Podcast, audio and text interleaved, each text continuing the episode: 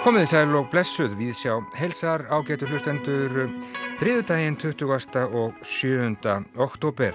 Aðeins farið að kólna í veðri, eh, kallt í morgun að minnstakosti mjög svo en eh, við látum það ekkert á okkur fá.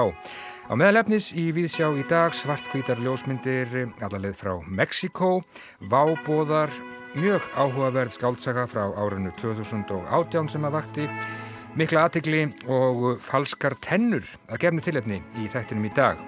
Í viðsjá í dag þá ætlum við meðal annars að fara á kaffihúsið Mokka þar sem ljósmyndasýningin Oaxaca príðir veggina næstu, næsta mánuðin. Orri Jónsson segir frá ferð sinni til Mexiko og verki sem hefur verið í vinstlu í heil 27 ár. Marjana Klara Lútersdóttir, bókmyndagagrinamdi Víðsjár, hún fjallar í dag um smásagnasafnið Vábóða eftir Ófeig Sigursson. Fyrsta smásagnasafn Ófeig sem að sagði frá verkinu hér í þættinum fyrir halvum mánuði eða svo. Þegar við tókum hús á honum, þetta er bók sem að er full af fyrirbóðum, draugum, feigðarbóðum og fugglum, svo eitthvað sé nefnt. Meira um það í Víðsjá í dag og um, við ætlum líka að tala um uh, falskar tennur að gefnu tilefni, framtennur og um leið, tja, bara litið um lífið sjálft, heyrum að því hér uh, rétt á eftir og uh, bókvikunar á rásveita þessu sinni er skaldsagan Sagana Washington Black eftir kanadíska réttuvindin Esi Edugian. Verkið gerist á Sigur Plantegru á Barbados árið 1830 og um, lýsir grimmúðlegum heimi nýlendu tímans. Washington Black eins og hún heitir á ennsku, þetta bók sem kom út árið 2018 og er þriðja skáldsaga höfundar. Edugian hún er ættuð frá Ghana og hefur hlotið fjölmarkar viðurkenningar fyrir verk sín.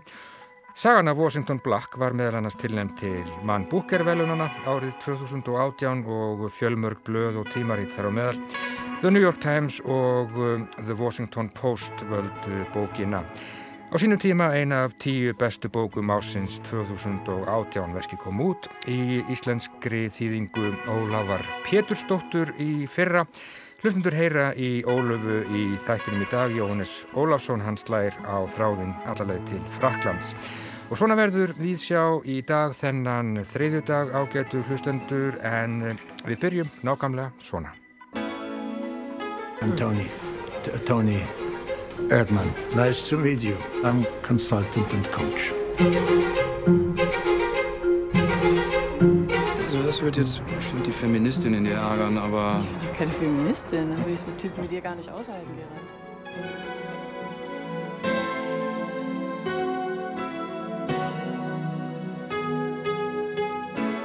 Sjónvarpið síndi á dögunum kvikmyndina Tony Erdmann eftir þíska kvikmyndarleikstúran Maren Ade. Þetta er mynd frá árinu 2016 með þeim Peter Simonisek og Söndru Huller í aðalhjóðverkum.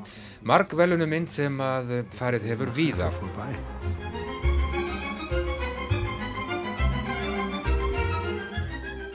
Það segir frá tónlistarkennara frá Achen Winfried Konradi að nafni sem fer sannarlega sínar eigin leiðir síðherðum sprelligósa sem bregður sér í hinn ímsu hlutverk til þess að gefa kundeginum lit og notast þar ekki síst við falskar framtennur sem hann geymir í brjóstvasanum á jakkanum sínum og skartar við líklegustu en ekki síður ólíklegustu tækifæri. Þegar hundurinn hans degir gammal rævill ákveður hann að endur nýja samband sitt við dóttur sína sem heitir Ínes og er frama kona frá fjandanum staðsett í Búkarest í Rúmaníu þar sem hún vinnur hjá oljufyrirtæki sem hefur vafasamar fyrirætlanir svo ekki sé fastar að orði war's. Ja, geht das überhaupt so? Ja, das ist schon okay. Gut, eine Sache noch, wenn, ähm, wenn sich die Möglichkeit ergeben sollte, mit Henneberg, dem Vorstand, also unserem Kunden, nachher noch was trinken zu gehen, dann muss ich das alleine machen. Ja, ich äh, kämpfe da gerade sehr um unsere Okkar maður, Winfried Konradi, hann tekur upp nafnið Tony Erdmann og fer að dúka upp í Búkarest með hárkollu og, já, falskar tennur, oftar en ekki á viðkvæmum augnablikum og gerir þar dóttur sinni lífið leitt, hún vil eh, lítið af honum vita. Þar kallar hann sig ímist markþjálfa eða þískan semdiherra segist vera komin til Búkarest til þess að vera viðstættur jarðarför skjaldböku kunningasins og uh, fer í sínum fyrðulega gerfi að mingla við hákarlana sem dóttir hans umgengst, hver óborganleg senan regur aðra Stundum sína hákallarnir Tóni Erdmann meiri aðtikli en dótturinni Ínis Konradi. Enda er Tóni Erdmann líklega eini áhugaverði maðurinn á svæðinu. Hvort heldur er í ofur snoppuðum samkomum aðtapnamanna, nú eða bara á barnum. Sind zu Besuch? Ja, spontane Entscheidung. Ich war noch nie in Rumänien. Ein Geschenk. Das ist eine richtig gute Käserei. Dóttirinn er vansæl, marflöt og ísköld og einhver leiti algjörlega líflaus. Hún hefur glatað öllum lífsneista við skulum gera ráð fyrir því að hún hafi einhver tíman haftan. Hún er allt of alvarleg, má ekkert vera að því að tala við föður sinn, því síður ömmu sína.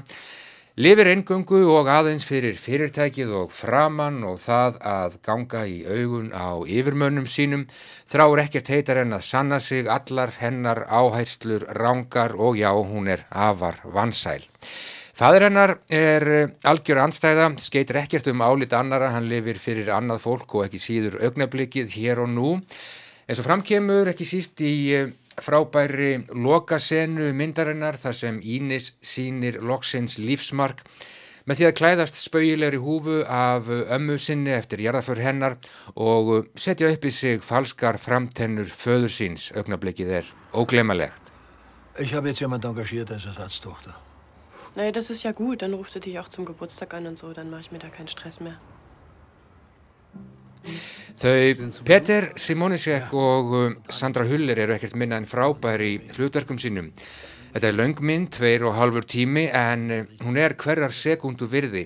Ég sá þessa mynd Tóni Erdmann fyrir um það byl uh, þremur árum en aðeins halva en loks alla myndina í sjónvarpinu nú á dögunum og um, það er skemmst á því að segja að hún víkur ekki úr huga mér og þá ekki síst þessi karakter sem Peter Simonisek skapar svo snildarlega Tónlistakennarin Winfried Konradi umkomulausi og ódregnarlegi sprelligósin með hárkolluna og fölsku tennurnar, brjóstumkennanlegur og aðdánarverður í senn. Tóni Erdmann sem gefur ekkert, nákamlega ekkert fyrir álit annara, lifir frá degi til dags, gerir einvörðungu það sem honum sínist en í göfugum tilgangi. Það er enn upp fyrir manni smám saman að hann gerir þetta Jú, til að gleiða sjálfan sig en ekki síður aðra. Um leið er eins og hann virðist hafa verið sendur í heiminn til þess að gera heiminn örlítið betri, fölsku tennurnar, jafn óleglega og það kann nú að hljóma táknum lífsgleði, lífsnöytn, lífsneista, andof gegn hverskins yfirborðsmennsku, græðki og framapoti, kannski óður til lífsins. Líklega er dóttirinn Ínes Konradi búin að fatta þetta undir lokmyndar og þó mögulega kannski ekki. Papa, ich rede mit dir. Wenn es um Ihren Vater geht, da bin ich nicht der Richtige. Tóni Erdmann er ekki aðeins óforbetranlega skemmtilega kvikmynd, fyndin, mennsk og á köplum surrealísk. Hún verður skrítnari og skrítnari eftir því sem álýður og nær kannski hámarki. Þegar þau feðginn flytja saman gamla vittnei Houston slagaran Greatest Love of All, nú eða í óborganlegri afmælisveistlu dótturinnar, Þar sem Tóni Erdmann byrtist dölbúnari en nokkur sinni fyrr, svo sena endar með engar fögru faðmlægi. Maybe we can uh, sing a song for you uh, and for your family. Just to say thank you. Nei, kvikmyndin um Tóni Erdmann er ekki aðeins fáránlega skemmtileg, hún hefur líka eitthvað mjög mikilvægt að segja okkur hér og nú við samtíma sem leggur meira upp úr starfsframa og velgengni en mannlegum samskiptum. Samtímin vill ekkert hafa með mann eins og Tóni Erdmann að gera og það segir meir um samtíman en Tóni Erdmann. Og það er enginn förða að myndin skuli hafa unni til fimm veluna á Evrósku kvikmyndavelunaháttíðinni sem Haldin var í Varsjá í Pólandi í desember árið 2016, besta myndin, besti leikstjórin, besta handritið, besti leikarin Peter Simonisek og besta leikonan Sandra Huller. Tóni Erdmann er einfallega einhver eftirminnilegasta persóna sem sérst hefur á kvítu tjaldi í langan tíma. I believe the children are our future. Teach them well and let them go their way. Show them all the beauty they possess inside. Give them Ágættir hlustendur, ég ráðleg þeim ykkar sem ekki hafið enn séð kvikmyndina Tóni Erdmann að horfa á hana ekki setna en strax í kvöld. Þetta er mynd sem hefur eitthvað mjög mikilvægt að segja okkur og okkar tímum nákvæmlega hér og nú og hún færir þann boðskap fram á óviðjafnarlegan hátt. I'm Tony. Tony, Tony Erdmann. I'm consultant and coach. Sjálfum er mér skapi næst að kaupa mér hárkollu, helst með ripnum osti og falskar framtennur, geima þar í brjóstvasanum á jakkanum mínum, taka niður COVID-grímuna á líklegustu en þó einhverjum og sérilega í ólíklegustu stöðum í meðlabúðinni hörpu útarsúsinu á meðjum östurvelli í geisladiskabúð Valda, alþingisúsinu Ölstofu, Kormáks og Skjaldar í fyrsta jólabáðinu og nýjársfagnaðinum á opnun myndlistarsýninga í Andiri Arjónbanka fyrir utan stjórnaráðið, helst þegar enginn á von á neinu skella tönnunum uppi mig og smæla framann í heiminn. Segjast vera til skiptis þýskur sendiherra og markþjálfi að á morgun þurfi ég nöðsynlega að vera viðstættur útför það að ég að jarða skjaldböku kunningja minns. Ég á að vísu á hættu að vera kerður beinustuleið á klepp en mér er sama, Tony Erdmann er og verður minn maður. I'm Ambassador Erdmann and this is my secretary, Miss Schnuck. Hello. Hi. Willst du mich fertig machen oder was? I'm sorry, Bogdan. My Aber father ich made a stupid joke. We have to solve this problem. Tell me, do something true, true of you and me, that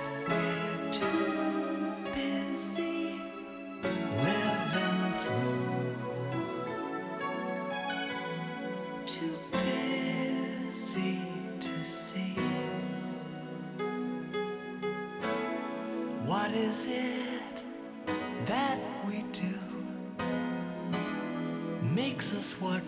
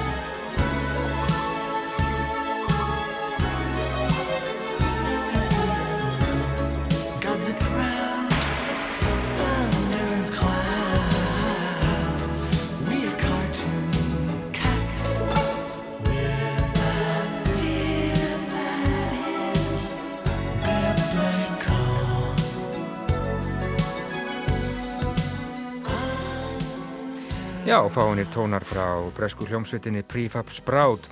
Þar sem sungið var um næturgala og um, meðal annars spurt hver við séum einlega. Hvað gerir okkur að því sem við erum? Erum við ekki alltaf að spurja okkur að því og um, þetta er spurning sem að glimt er við í henni frábæru kveikminn Tóni Erdmann. En um, við snúum okkur næst að bókmyndum hér í Víðsjá á þriðju degi og Fegur Sigursson gaf á dögunum út sitt fyrsta smásagnasapn Vábóðar heitir það. Og um, við frætumst örlítið um það verk hér í Víðsjá fyrir um það byl hálfum mánuði. Marjana Klara Lúterstóttir hún er búin að lesa og við skulum heyra hvað hún hefur að segja um Vábóða Fremst í smásagnasafninu Vábóðum má finna eftirfærandi tilvittnun í danska rithöfundin Johannes Vaff Jensen Maðurinn er að utan lagður þunri skél af skinnsemi en undir er djúb skjelvingar. Tilvitnunin setur tónin fyrir það sem koma skal en einnig fangar hún merkilega vel afstöðu Íslendinga til þeirra vábóða sem sapnið fjallar um, nefnilega drauma. Á yfirborðinu tökum við ekki frekar mark á draumum en stjörnusbám eða hverjum öðrum hindurvitnum en ekki þarf að leita langt aftur til að sjá hversu nátengt við vorum eitt sinn þessari viðfragn. Í fjórtán smásögum, sumum frábærum, öðrum síðri, mörgum bráðfindnum og nokkrum sem fylla mann töluverðum óhug, veldir Ófegur Sigursson annars vegar fyrir sér vanni, hinnu skjálfilega, og hins vegar lofvorðinu um hið skjálfilega, drömnum.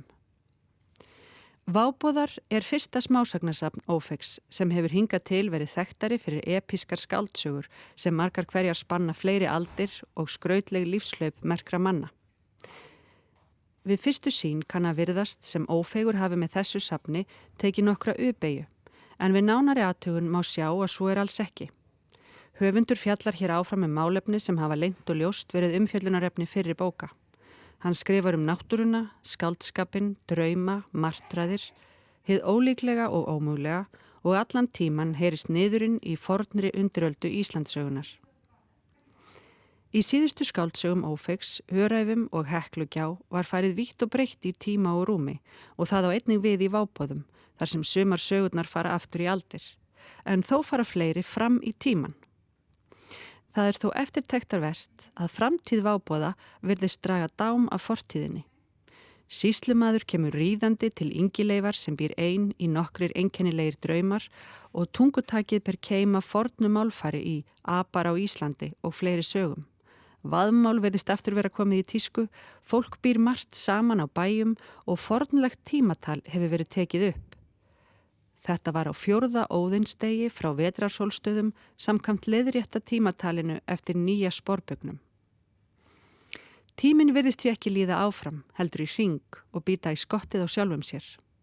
Fortíðar þrá gerir einnig vart við sig hjá personum sem telja allt komið í óefni í nútímanum og einhverjir leita í fornar bókmentir að lausn eða líkn.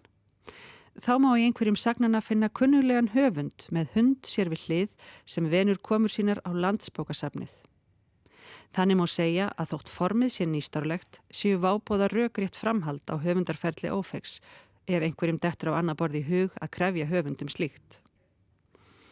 Hér segir frá Íslandingum, flestum fremur ólökulegum, Þeir sem þó eru sáttir í upphafi sögu hafa svo gjarnan mætt skjálfilegum örlögum eða í öllu falli séð einhver slík fyrir í sögu lok. Hamingjan er hverful eins og segir um fjölskyldu skáldsins ógjafusama Gretar Leopolds í sögunni 2000 vandin. Öll tóku þau liv gegn ángist og kvíða með misjöfnum árangri þó. Nokkrar sagnana kallast beint á eins og tvær fyrstu sögurnar sem eiga félaga aftarlega í safninu þar sem sömu personur koma aftur fram. Upphafsagan Ós fjallar um sögumann sem leggur af stað í leitað fugglaskoðunarskíli á samt Karolínu vinkonu sinni en þau hafa bæði mikið áhuga á fugglum. En hún hefur einnig sérstakann áhuga á draumum. Strax í þessari fyrstu sögu sem fer víða og dvelur meðal annars við verksmiði framleiðslu Íslensks Nastls á nýjunda áratug síðustu aldar eru komin fram tvö þemu sem ganga síðan eins og rauður þráður í gegnum smásögurnar, nefnilega draumar og fugglar. Draumar koma fyrir í nálega öllum sagnana og oft virðist einhver tenging millir draumana og fuggla himinsins. Aðeins með því að skilja drauma getum við skilið fuggla og með því að skilja fuggla skiljum við drauma betur. Draumar og fugglar eru óaðskiljanlegar einingar tilverunar, tvær hliðar á sama peningi og peningurinn er sjálf mannsálinn. Ímsir fugglar, til dæmis páfagaukar, koma við sögu, en mávar og þá sérstaklega bjartmáfurinn, kvítur með rauðan ringi í auga og rauðan blett á gognum fara þar fremstir í flokki. Rauðir blettir, gerðnan blóðblettir, eru raunar algengt tákn, hvort sem þeir eru á fugglskokki eða fastir í teppum, en einnig bækur sem nýfur hefur verið lagður ofan á. Slíkar bækur skjóta upp kollinum í ófáum sögum og kalla andstæðunar í friðsætli bókinni annarsvegar og hættulegu vopninu hinsvegar fram allskinn skemmtileg hugrenningatengsl. Höfundur fer fimmlega með áður nefnd stef, þau byrtast óvænt og í ólíkum aðstæðum, svo lesandin fer ósælótt að leita þeirra eins og vísbendinga í ráðgátu.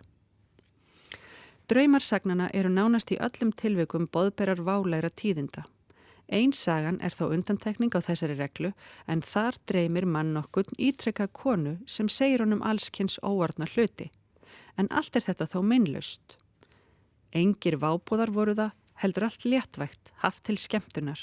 Tindir hlutir, gestkoma, veðurfar. Og sagan gæti því verið gleðileg ef ekki væri fyrir þær sakir að konan sem heimsækir mannin í draumum er látin eiginkona hans sem hann saknar skjelvilega allar vögu stundir og myndi ekki hika við að taka eigin líf nema af óta við að ef hann flíti fyrir sér lenda hann ekki á sama stað og henn elskaða eiginkona. Hann þjáist því hverja stund og býður döðans.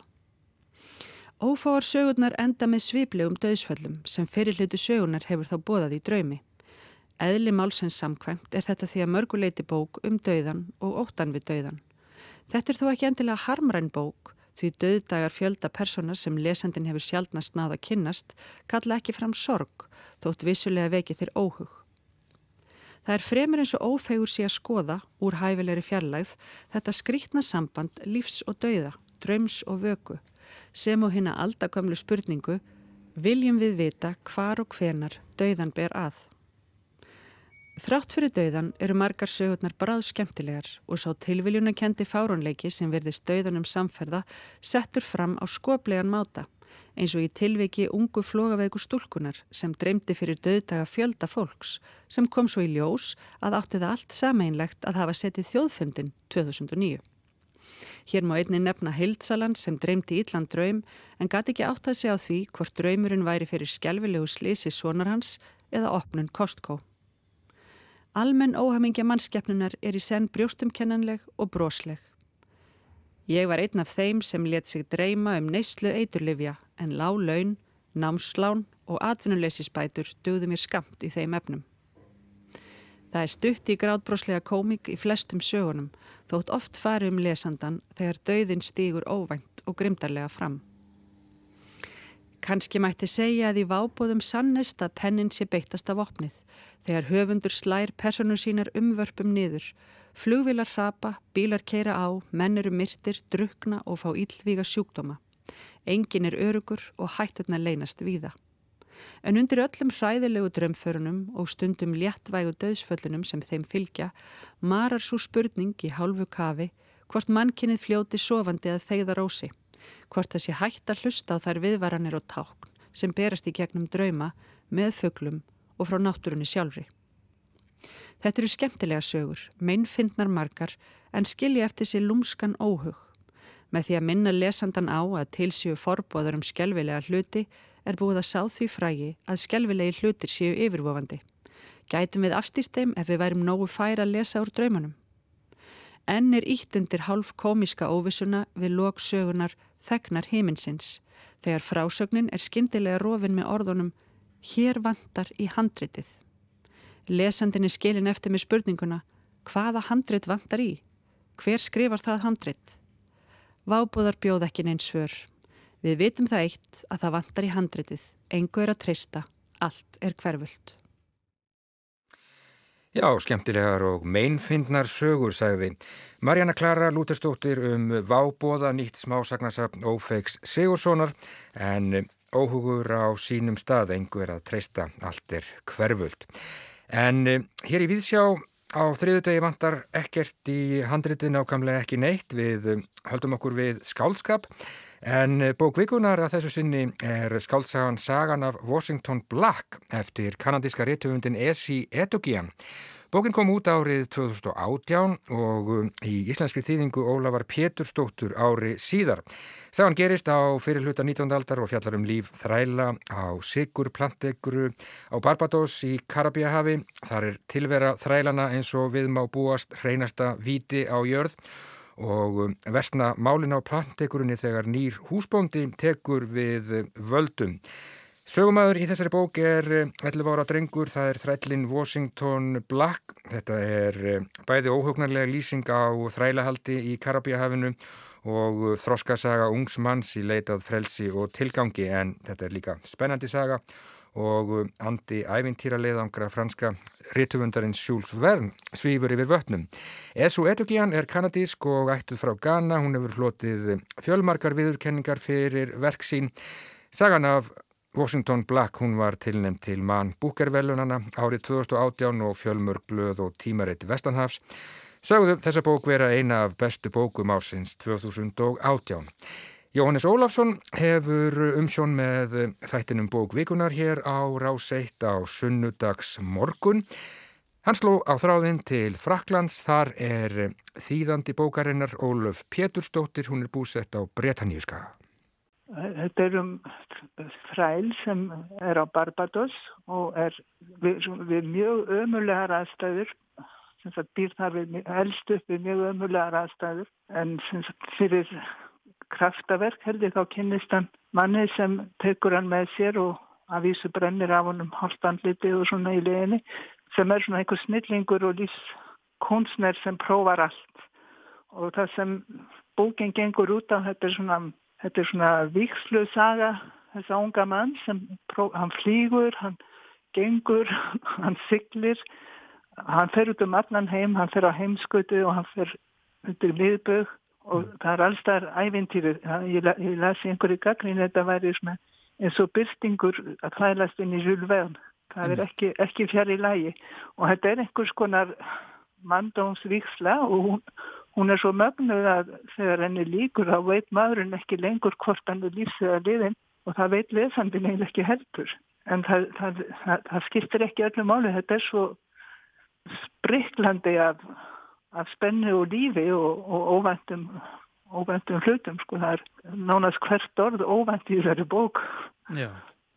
Og hún, eins og segir, henni hefur verið líst sem svona, já, líkt við eh, svona ævintýra bækur, ævintýrasögur, ferðasögur, ímislegt. Já, um, já, einmitt. Já, og það er einhvern veginn líka einmitt þetta vest, vesturlönd og nú, nútíminn á móti fórnöskunni í, í öllum hinu löndunum en það er, það er aldrei gefið í skina þessi neitt standi neitt framar. Mm. Það er í rauninni alveg með ólíkindum til að minnst hvað menningin í Afríku sem hvað hún mótar hann þó hann hafi enga möguleika til þess að kynna senninni nefnir getnum konu sem hann veit ekki einsni hvort sé móður hans eða sem, sem segir honum sem þetta þegar, þegar menn degja þá hverfa er aftur til uppbruna síns og ættjarðar. Það er annað sem, er, sem hann hefur í rauninni fram yfir aðra þessi drengur, þessi Washington. Hann er í rauninni ómótaður af til dæmis fordómum og sleggjudómum sem leggur sér til í skólun til dæmis. Hann er alveg óskrifað blad og þess vegna drekkur hann allt í sig sem í kringum hann er og hann lendir á þessu manni sem er svona ófrjótandi hugmyndabrunnur sko. Mér er að segja á ennskunni var það sem Washington talar, það, það er ekki alveg eðlilega enska, það er svona tillögð enska mm.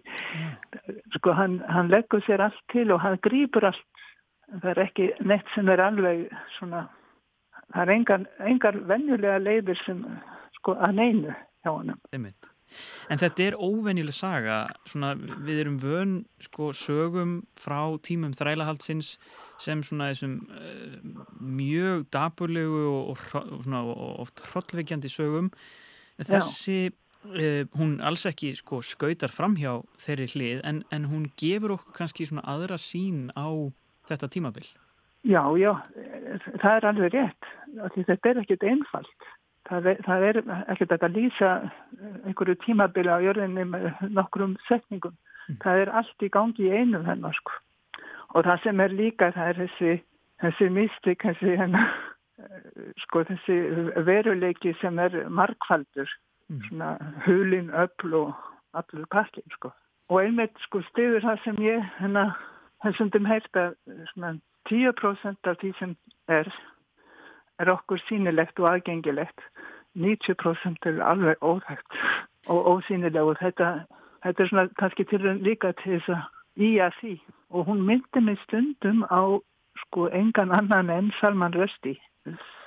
Sko að því að hann er svona sagnaþölur og í sömum bókum er hann að segja sko mjög svona pólitíska sögu kannski en segir hana eins og hann sé Snorri Sturluson og, og, og Emil gerir þetta líka svona flakkar á milli tilvistarsviða og, og horfið ofan í dauðan sko út fyrir móðuna miklu að saman svona eins og ekkert sé sko það sker sig ekkert úr frásögninni svo fyrir að tala um trén og blómin sko. mm. en svona stórir atbyrðir sem, sem skipta alla jarðabúa einhverju máli og snerta það eru svona samanlegir í eðlið sínu Þannig lögðum við á flóta, skjögrandi undan þunga pókan okkar í gráu rökkrinu. Dreið hafði ský fyrir tunglið, Tits kvekti aftur á luktinni og lagði dúk yfir hana og áfram helt gangan við daufa rauðgula ljóstýruna. Af og til hrösuðum við á slóðanum sem við höfðum þó þrætt ótal sinnum. Þannig gengum við hægt og heikandi í þögn í áttað krákutindi. Ég sá fjallið svart og framandlegt þar sem það bar við gráan heiminn. Ég fann kvíðan magnast upp innra með mér. Ég hugsaði til líksins af herra Filip þarna rétt hjá. Þar sem Tits hafði ekki getað farið með líkamsleifar hans þegar allt kom til alls. Heldur letu við duga að leggja yfir hróðan ábreyðu sem hann var með. Á skrippborðinu í vinnuherbygginu hafði hann skilið eftir bref með upplýsingum um sjálfsvíð og kort þar sem mert var hvar frændans var að finna.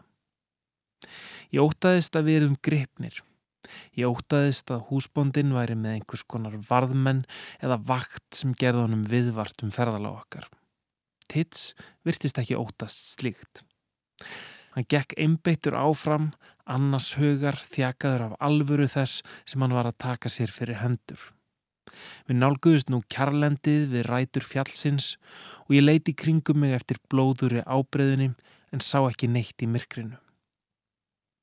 Þegar við komum á tindin rendum við af okkur byrðunum, fætur okkar skulfu, andlit okkar voru blöyt af svita.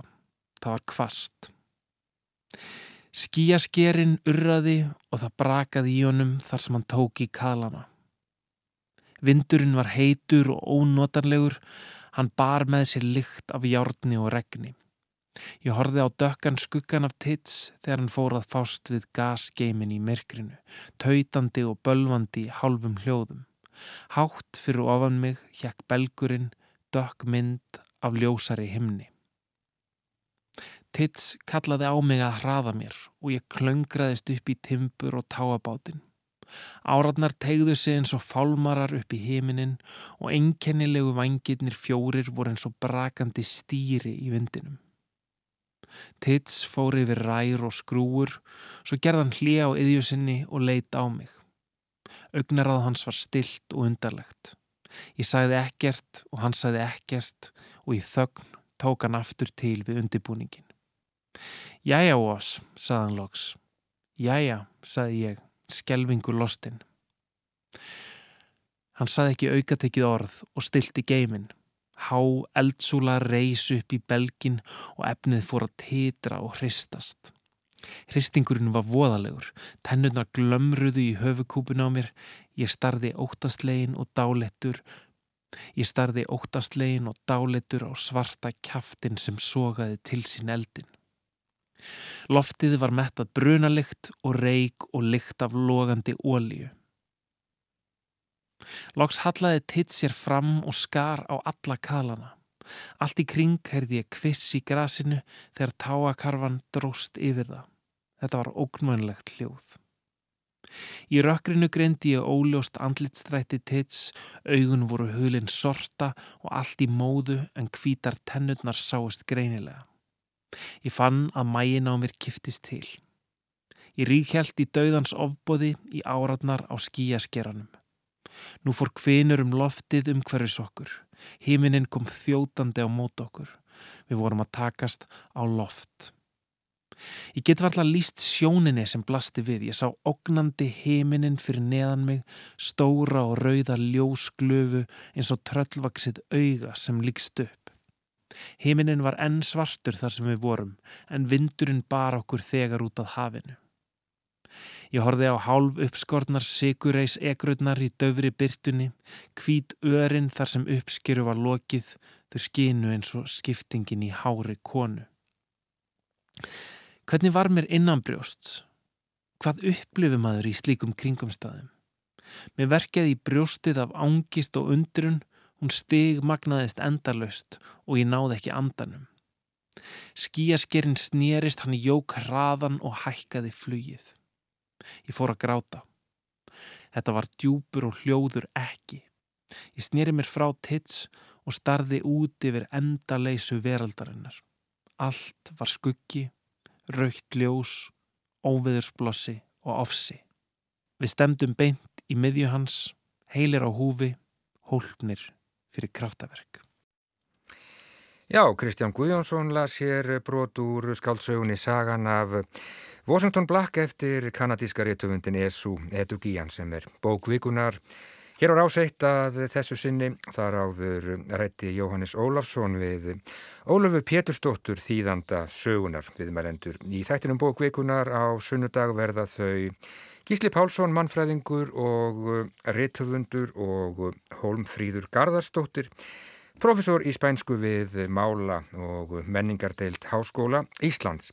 En eh, þá ágetur hlustendur bregðum við okkur af bæ, höldum niður í miðborg Reykjavíkur, förum beinist að leið á Mokka þar sem hægt er að hlýja sér fyrir framann svartkvítar ljósmyndir sem koma alla leið frá Mexiko.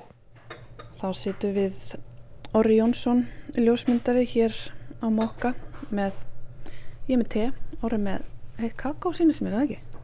Ég veit að mig ekki kalda kakó hérna sko, það verður að vera heitt súkla. Sko. Þetta er alveg súkulega, alveg rétt. Já, með rjóma og allt. Byrjar á morgun alltaf svona súkulega með rjóma? Nei, reyndar ekki sko, ég byrja nú á hennar kaffi. Já. Ég byrjaði á því að snúa mér inn í ringi og horfa á þessa fallegu svarkutu myndir sem að príða veginn á mokka. Þessi síning kallast, býtu nú við, hvernig ber maður þetta fram? Oaxaca. Oaxaca og það er hér að í Mexiko sem við ætlum að fá að heyra þess betur á frá ára. Þetta er alls ekki típiskar ferðalagsmyndir. Það eru tímalösar svarkvita myndir af landslægi, gróðri, mannlausum gödum. Gæti raun verið teknar hvar sem er og hvena sem er. Það er allavega mín tilfinning. En síningin kallast nú samt Oaxaca sem er þetta hérað í Mexiko. Þannig að mér langar að byrja að spyrja þið bara út í hennar stað og, kannski frá ferðaleginu þangað og hvernig þetta byrjaði allt saman. Mm -hmm. Sko við kona mín fórum hann að álpuðum þarna eiginlega hálf óvart neyrir sko fyrir lungu síðan fyrir, fyrir börn og böru eh, 93 í, bara, bara með bakboka og tókum skyndi ákvörðun þá búandi í New York og hérna áttum allt í hennu tvekja vegna jólafri og hoppuðum hann að söður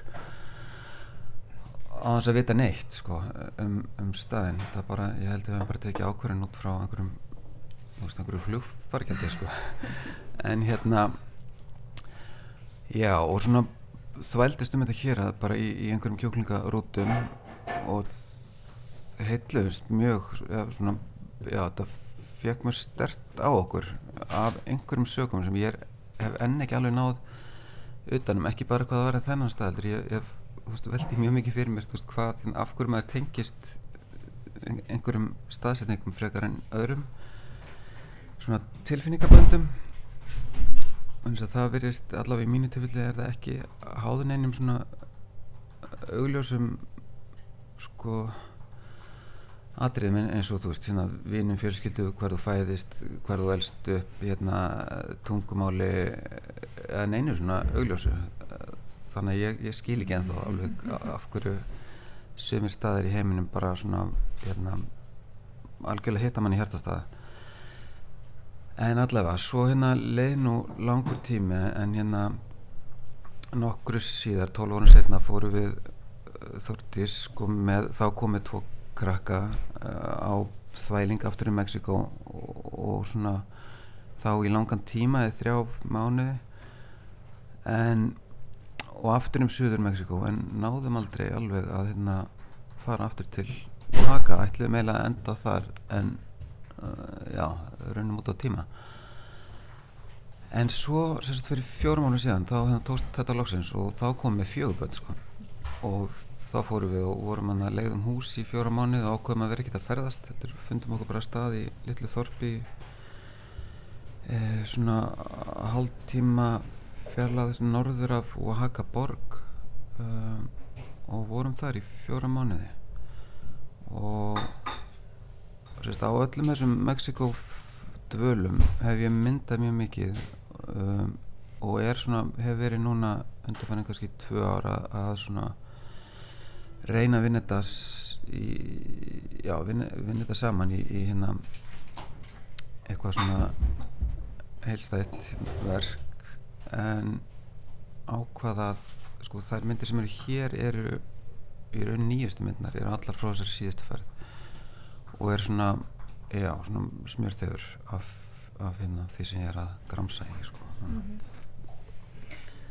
Þetta er mjög áhugavert sem þú segir með hvernig einhverju staðir hittar mann í hjartastað Já. og þá sérstaklega þessi uh, þú hefur búið og starfað og lært í New York veit ég og Kanada og ferast mikið um landi líka og tekið myndir en það er ekkert alveg hægt að lesa í það kannski út frá þessum myndum að þetta sé einhver ákveðin staður eða hvað Já, nú veit ég ekki meir sko, kannski þitt að segja frekar í mig sko.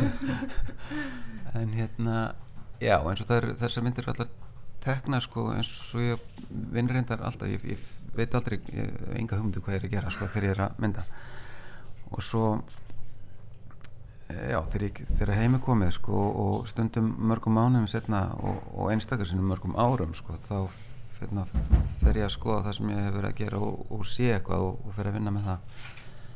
Þannig að já, mjög margt sem komir á óvart þegar ég sjálfur fór að skoða þessar myndir sem ég kannski ætla ekki endilega að fara út í En þá langum að spyrja það einu vegna þess að sí, síðasta síningin sem var í, í áttagalleri þar voru um, það voru fyrst og fremst myndir af fólki það eru oft úr mikið að mynda fjölskylduðina mm. og uh, en þessar myndir eru næstu því alveg mannlausar er eitthvað ástæði fyrir því? Ábyggilega en, en ég veit ekki hver hún er sko ég hérna Já, svo er alveg inn á milli í, í þessum Mexiko-myndum mínum hérna, mannamyndir. En af einhvern sögum sko já, rötuðu þær ekki inn í veist, þennan hóp sem er hér upp á mokka. Og reyndar, þú veist, eru þær í minni hluta. Um, já, ég veit ekki, ég hef einhvern veginn færst yfir í það sko með árunum að svona fólki sem mynda, ég myndaði áður fyrir svona meira kannski fólk sem þekkt ekkert eða, eða vini og kunningja en já, svo hefur færst meir yfir því að fólki sem ég mynda er, er svona fyrst og fremst fjölskyldaminn og svo mynda ég aðra hluti þess á millið sko. En þessi síning er í raun, eins og segir hér á vegnum, þetta er hluti af stærra verki í raun verk sem er búið að spanna 27 ár. Já. Og ég hérna já og núna sérstaklega sko þegar ég fór að vinna svona markvist í því að reyna að koma svo saman og svona sjá einhverja þræði í þessu og einmitt yfir hennan tíma að þá þarf ég heila að fara einu svona enn sko og hérna rekka smiðsökið á þetta með hérna einni myndatöku í viðbót. En ég er að vona að hérna, það er sem sagt bók sem er eiginlega tilbúin sem að kemur út á hérna næsta ári upp úr þessum efnið sem ég síndi í átta fyrir tveimur árum. Og þannig ég ætla að klára þá bók fyrst og svo hérna, já, gefa mér aðeins meiri tíma í þetta. Ég veit ekki eh, alveg hvar, hvar þetta Mexiko bröld endar sko mm -hmm. en þá en mér fannst svona svolítið góð tilfinning að hérna byrja á því að henda upp svona afmörkum hópi mynda hér inn á Mokka. Ég sko síndi mín að ég held mínu fyrstu ljósmyndasýningu hér á Mokka fyrir langa löngu. Og hef alltaf haft að baka veira að langa að sína henn aftur en, en uh, hef einhvern veginn ekki haft sko, þetta er mjög svona estetíst sterkur staður og hérna þetta rými svona hendar ekki endilega öllu. Þannig að hérna já, var eiginlega svona fyrst núna sko. Mm -hmm. eitthvað, 30 ára setna eða 25 ára setna sem að svona ég, ég fann eitthvað sem að mér finnst passa mjög vel hérna inn. Mér heyrist svona uh, þín aðferðafræði hvernig þú nálgast ljósmyndina að vera að þú ert svona meira í það að horfa heldur en að hugsa, er það rétt? Já, algjörlega, ég reyn, reyna að hugsa mjög lítið. Meðan ég er að mynda sko. Fyrir mér þá hérna já, á hugsunum að koma eftir á og helst ekki þú að mikið. Ég hérna nei, mér finnst miklu skemmtilega að vinna þetta á einhverju uh, já, á svona öðrum batterjum en hérna þeim sem ganga fyrir logik sko mm -hmm. þá líka já, ég held alltaf einhvern ég held að það hefur kannski verið svona sem heitlaði mér mest með, við ljósmyndan miðlum það var þetta sko hvað hann geti hérna sínt með hlutir sem ég vissi ekki og hérna og ég tími ekki að sleppa því að láta hann koma mér óvart þannig að og hann nýtir sín best sko í mínum höndum þessi miðl ef ég hérna slepp honum lausum sko og hérna já, gefa honum lausum dæminu og, og hérna mynda á þess að vera stjórnunum og, og svona og svo skoða ég hvað hann hefur að segja mér setna mm -hmm. Hljómarkast ég úa hérna tilgjörlega og, og, og svona hérna, eitthvað mistist en þetta er al alveg basic sko og hérna ég held að hérna já fyrir mér er þetta svona já svona ein, einfaldasta leiðin að, að millunum en já ég þor, þorur líka halda áfram þess að ræði sko hún eftir að þetta endar eftir enn diskurði sko. Nei, nei, en ég er ekki líka sé, þú ert ennþá að nota þú notar alltaf filmu þú ert Já. með svarkvita 35mm filmu hér í þess, þessari síningu allavega er það ekki líka hluta af þessari þessu óvænta eða af hverju ert að nota filmu? Jú, það er emitt sko fyrir mig já, svo er þetta rosalega personabendið sko, ég, hérna, en fyrir mig sko gefur filman mér mjög mikið vegna takmarkaðin hennar þú, þú, þú veist það þá sjáur ekki hvað þú ert að gera um leið þú ert að mynda þú, getur ekki að horta á myndina þú ert búin að smetla og veist í rauninni ekki alveg hvað, hvað þú ert með fyrir nú framkalla filmina og mér finnst gott að láta líða svolítið tíma það, frá því að ég mynda og þar til ég framkalla eða allavega þar til ég skoða filmina vegna þess að hún þá, þá emitt, kemur þetta mér óvart og ég sé þetta svona með ferskarögum og, og ég sé eitthvað sem ég hérna, sá ekki þegar ég myndaði og, og já, þannig að filman hendar mér mjög vel en ég ger mér mjög sterkar grein fyrir því að hérna, hún, þetta getur virkað akkurat auðvögt á, á hérna, fólk með annars konar gangverk í höðinu sko. en þetta er svona já, fyrir mér er þetta mjög svona mikilvægur kjarni miðelsins, það er nota filmina og ekkert endilega svarkvít eða, eða 35, ég nota alls konar stærðir og, og hérna, svarkvít og lit en þessi prósess henda mér mjög vel og er svona mann fókusera mig mjög mikið og hérna já, mm -hmm. mjög góður sko. Áttu en þá eftir að gramsa í einhverjum filmum frá þessi ferðalagi eða? Nei, ég er nú byrjar að gramsa í þeim öllum sko en, en ég hef kannski eftir að hérna já, vinna mér samt betur í gegna þar en ég er svona, nei, ég veit, ég er búin að, ég er búin að krafsi þar allar sko. Þú ferðast að í ferðalag með filmur horfir og kemur tilbaka og leifir tímanum að líða og tekur svona daldinn tíma í að editera og setja saman. Já. Uh, hverju með við búast við í þessari bók sem að kemur út á næsta ári? Í, úf, ég veit ekki sko. Ég hérna, núna er þetta einmitt á mjög skrítnum stað. Mér tókst að svona koma saman þessum hópi mynda sem eru eitthvað, hvað er það átján átján, já. Um, og þá er ég alltaf að koma með einhver, einhverja svona þetta er alltaf inn í miklu þrengri hópur en, en, en þú veist það sem að hérna ég sé fyrir mér að sko allt verkefni verður. Þar nú býður mín að hérna hérna já, svona finna leiðina út úr þessu hotnið sem ég er búin að mála mig út í núna sko með þessari síningu en þannig ég veit ekki hvað þetta endar sem mér finnst mjög skemmtilegt. Og þú segir að þú stefnir á að fara kannski aftur til Oaxaca. Allar þá að taka alla fjölskylduna með eða er, hverjir eru draumanir? Svona nú á þessum tímum sem við lifum. Já, nú er þetta náttúrulega bara draumar sko, þessum hræðilegu tímum. En já, þeir koma með sem vilja koma með. En hérna nú eru krakkarnir okkur orðin þar stór sko, eldri tvö þau eru hérna bara sjálfstætt hérna ráandi út um allar trissur. En ég veit ekki með þau. En neini, ég hugsa við tökum yngri guttana, tvo. En já, við erum svolítið með það á stefnusgráni að reyna að komast sem fyrst. Hvernig sem það verður. Og ég skulda nú hérna fjölskyldu í Oaxaca ljósmynd sko, hann er ég verið að fara á aðfenda hana. Og leiði við kjænst en hérna við vonum bara að það verið sem fyrst. Það er alltaf gott að láta sér dreyma nú þegar uh, það er byrjað að kólna úti og við mögum ekki fara neitt. Og þá getum við komið hérna allavega inn á mokka og hlýja sér með heit kakó og myndir frá Mexiko við bara mælum með því en það ekki ári Jú, ég vona það að geta að mæla með þessu. Að hérna jú, ég ætla að þetta er hérna heiðalegt framlag hérna við, að minni hálfu held ég. Til hafmyggjum með þessa síningu og uh, njóttu heita súkulæði sinns Orri Jónsson, takk fyrir spjalli Takk sem leiðis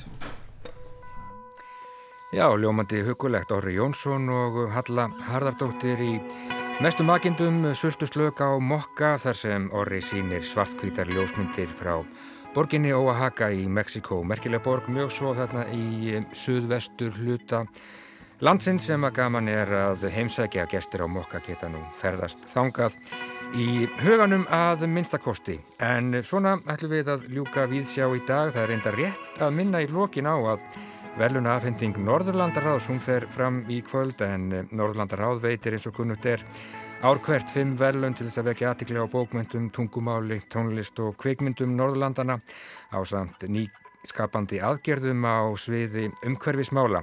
Framkoma í kvöld meðal annars Víkingur Heiðar Ólafsson, hljómsveitin Of Monsters and Men og Íslenski dansflokkurinn. Þetta verður á dagskrá rúf í kvöld hefst eftir kvöldfréttir, löst eftir klukkan átta um sjón hefur Halla Otni Magnúsdóttir. Við segjum hugsanlega eitthvað betur frá þessu í þættinum á morgun þegar þetta liggur allt saman ljóst fyrir. En við segjum þetta gott í dag, við sá hér aftur á sínum staðlöst eftir klukkan fjögur á morgun. Teknimaður í þessari útsendingu var engin annar en Georg Magnússon. Takk fyrir samfélgina í dag, verið sæl.